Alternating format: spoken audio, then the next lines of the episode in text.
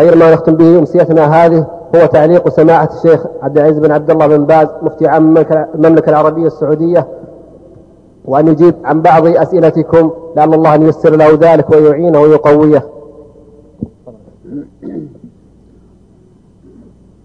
بسم الله الرحمن الرحيم. الحمد لله وصلى الله وسلم على رسول الله وعلى آله وأصحابه ومن اهتدى بهم أما بعد فلقد سمعنا جميعا هذه المحاضرة القيمة التي تولاها صاحب الفضيلة الشيخ محمد بن حسن الدرائي في موضوع الأمن.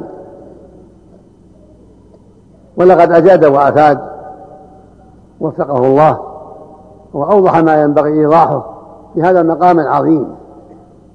فجزاه الله خيرا وزاده من العلم والهدى والتوفيق. ونفعنا جميعا بما سمعنا. لا شك أن الأمن أمر عظيم وموضوع جدير بالعناية والبيان والإيضاح. والله جل وعلا أوضح أمر الأمن في كتابه العظيم في مواضع كثيرة أكمل إيضاح. قد سمعتم من صاحب الفضيلة ما ينبغي بيانه قد أحسن وأجاد في ذلك. فالواجب على كل مؤمن وعلى كل مكلف وعلى كل مكلفة الأخذ بأسباب الأمن. كل واحد مسؤول أن يأخذ بأسباب الأمن. فالشخص في نفسه عليه يأخذ بأسباب الأمن. والدولة عليها أن تأخذ بأسباب الأمن. والمجتمع في نفسه عليه يأخذ بأسباب الأمن. كل مسؤول وكل مخاطب عن واجبه.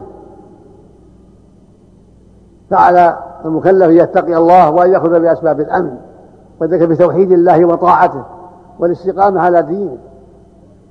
الذين آمنوا ولم يلبسوا إيمانهم بظلم أولئك لهم الأمن وهم مهتدون. جاء الصحابة رضي الله عنهم إلى النبي صلى الله عليه وسلم فقالوا يا رسول الله أينا لم يظلم نفسه فقال ألم تسمعوا إلى قول العبد الصالح لقمان حين قال لابنه إن الشرك لظلم عظيم. يا بني لا تشرك بالله إن الشرك لظلم عظيم. فالأمن أمنان.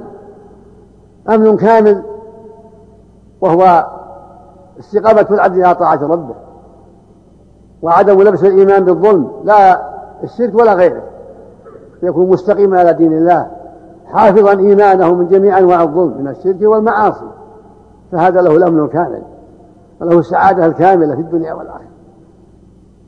وهناك أمن فيه نقص وهو ما بينه صلى الله عليه وسلم للأمة أن الإنسان إذا عافاه الله من الشرك الأكبر فعنده أصل الأمن وعنده أصل الهداية وهو على صراط مستقيم لكنه على خطر قد يدخل النار بمعاصيه التي هي ظلم دون الشرك فهو فهو تحت المشيئة. إن شاء الله غفر له ظلمه الذي دون الشرك وإن شاء عذبه على قدر جرائمه ثم مصيره إلى الجنة لأنه مات على الإيمان والتوحيد.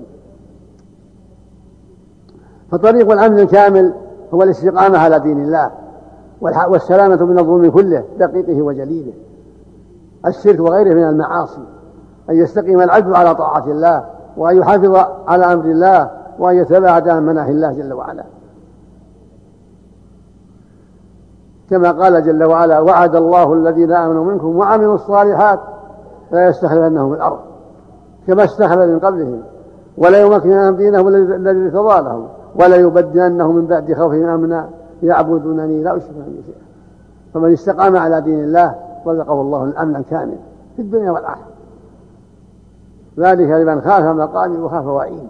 فمن استقام على دين الله وراقب الله وخافه وأدى حقه ووقف عند حدوده فله الأمن الكامل في الدنيا والآخرة. والأمن يتعلق بالدولة ويتعلق بالأفراد ويتعلق بالمجتمع. ويتعلق بعلاقة الدولة مع غيرها. فلا بد من الأخذ بالأسباب الجميع. فعلى الدولة أن تستقيم على أمر الله وأن تؤدي حق الله وأن تحكم شريعة الله حتى يحصل لها الأمن والتمكين. وعلى كل فرد أن يتقي الله ويراقب الله ويستقيم على دين الله ويدع محارم الله حتى يحصل له الأمن في الدنيا والآخرة. وعلى الدولة أن تحكم شرع الله في عباد الله وأن تنصف مظلومهم من ظالمهم وأن توقفهم عند حدود الله وأن تلزمهم بأمر الله حتى يستقيموا على دين الله. لا بد من ذلك. ولهذا قال جل وعلا والمؤمنون والمؤمنات بعضهم أولياء بعض يأمر بالمعروف وينهون عن المنكر. ويقول جل وعلا تلك حدود الله ومن يطع الله ورسوله يدخله جنات تجري من تحتها الأنهار. خالدين فيها وذلك الفوز العظيم. ومن يعص الله ورسوله ويتعدى حدوده يدخل نارا خالدا فيها وله عذاب مهين. ويقول جل وعلا يا أيها الذين أطيعوا الله وأطيعوا الرسول وأولي الأمر منكم. فإن تنازعتم به فردوه إلى الله والرسول. إن كنتم تؤمنون بالله واليوم الآخر ذلك خير وأحسن تأويلا. ثم يقول سبحانه إن الله يأمركم أن تؤدوا الأمانات إلى أهلها وإذا حكمتم بين الناس يتحكم العدل. إن الله نعم ما يعرفون إن الله كان سميعا بصيرا. قبلها قبل قول يعني هذه الآية قبل تلك الآية المقصود أنه لا بد من أداء الأمانة ولا بد من طاعة الله ورسوله. ولا بد من طاعة أولي الأمر بالمعروف حتى يستتب الأمن ويستقيم الأمر.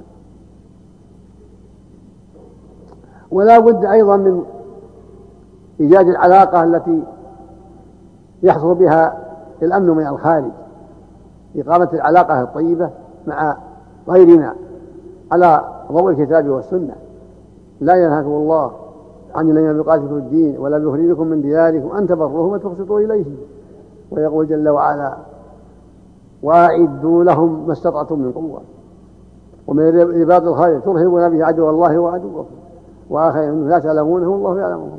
وما تنفقوا من شيء من شيء في سبيل الله يوفى إليكم وأنتم لا تظلمون. ثم يقول سبحانه وإن جنحوا للسلم فاجنح لها وتوكل على الله إنه هو السميع العليم.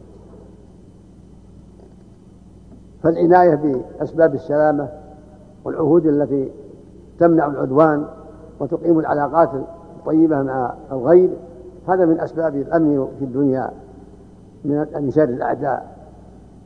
وإقامة العبد أمر الله واستقامته على دين الله من أسباب سلامته من الله وعقابه. وإقامة الدولة لأمر الله واستقامتها على أمر الله وتحكيمها لشريعة الله من أسباب من أسباب نصر الله لها وتأييده لها. يا أيها الذين آمنوا إن تنصروا الله ينصركم ويثبت أقدامكم ولا ينصرن الله من ينصره. إن الله لقوي عزيز. الذين إن مكناهم في الأرض أقاموا الصلاة وآتوا الزكاة وأمروا بالمعروف ونهوا عن المنكر ولله عاقبة الأمور. يا أيها الذين آمنوا إن تنصروا الله ينصركم ويثبت أقدامكم. ويقول سبحانه وكان حقا علينا نصر المؤمنين. ولما اعتمد قارون قبحه الله على قوته الخاصة وزعم أنه على علم عنده ولم يقبل نصيحة الناصحين لم تغني عنه أمواله ولا قواته شيئا بل أخذه الله في لحظة وخسف الله به وبداره الأرض. وهكذا فرعون مع قوته العظيمة وجبروته لما خالف أمر الله وتعدى حدود الله واستكبر وتعدى وقال أنا ربكم الأعلى سلط الله عليه موسى وقام موسى بما يلزم من الدعوة إلى الله وإخراج بني إسرائيل من بين من سرة فرعون ثم توجه بهم إلى البحر. وأمره الله بضرب البحر فانفلق البحر وكان اثني عشر طريقا. فأنجى الله موسى وبني إسرائيل ثم دخل فرعون وجنوده في هذه الطرق. فلما أشرفوا على الخروج ودخل آخرهم بين البحر بين البحر. أغرق أغرقهم الله جميعا وأهلكهم جميعا في لحظة. هذه قوته وقدرته العظيمة سبحانه وتعالى. لما تعدى الحدود وخالفوا أمره وتكبروا. فالواجب على أهل المسلمين أن يتقوا الله وأن يراقبوا الله وأن يقيموا أمر الله بينهم وأن يتمسكوا بشريعة الله. فهذا هو طريق الأمن هو طريق السعادة. والواجب على الدولة المسلمة أن تتقي الله وأن تراقب الله. وأن تنفذ أحكام الله في عباد الله فهذا هو طريق أمنها وعليها مع الأعداء أن تقيم العلاقات الشرعية التي شرعها الله لعباده. كما أقامها النبي صلى الله عليه وسلم بينه وبين قريش يوم الحديبية وصالحهم على الهدنة فلما نقضوا العهد سلطه الله عليهم ونصره عليهم وأيده عليهم سبحانه وتعالى. فعلى المسلمين جميعا حكومة وشعوبا على المسلمين جميعا أن يتقوا الله وأن يراقبوا الله. فالحكومة عليها أن تراقب الله بتحكيم شرع الله. وكل فرد من أفراد المسلمين عليه يتقي الله بالاستقامة على أمر الله والوقوف عند حدود الله والحذر من محارم الله. وبهذا يحصل الأمن في الدنيا والآخرة. يحصل للجميع الأمن في الدنيا والآخرة. الأمن من مكائد الأعداء والأمن من غضب الله وعقابه. نسأل الله أن يوفق الجميع لما يرضيه وأن يصلح قلوبنا وأعمالنا وأن ينصر دينه ويعلي كلمته وأن يصلح أحوال المسلمين في كل مكان وأن يمنحهم الفقه في دينه وأن يولي عليهم خيارهم ويصلح قادتهم كما نسأله سبحانه أن يوفق ولاة أمرنا لكل خير وأن يعينهم على كل خير وأن ينصر بهم الحق وأن يصلح لهم البطانة وأن يجعلنا وإياكم وإياهم من الهداة المهتدين إنه سبحانه سميع قريب. ونسأله سبحانه أيضا أن يجزي أخانا الشيخ محمد بن حسن عن كلمته خيرا وأن يزيدنا وإياكم وإياه وجميع المسلمين العلم والهدى. إنه سميع قريب وصلى الله وسلم على نبينا محمد وعلى آله وأصحابه.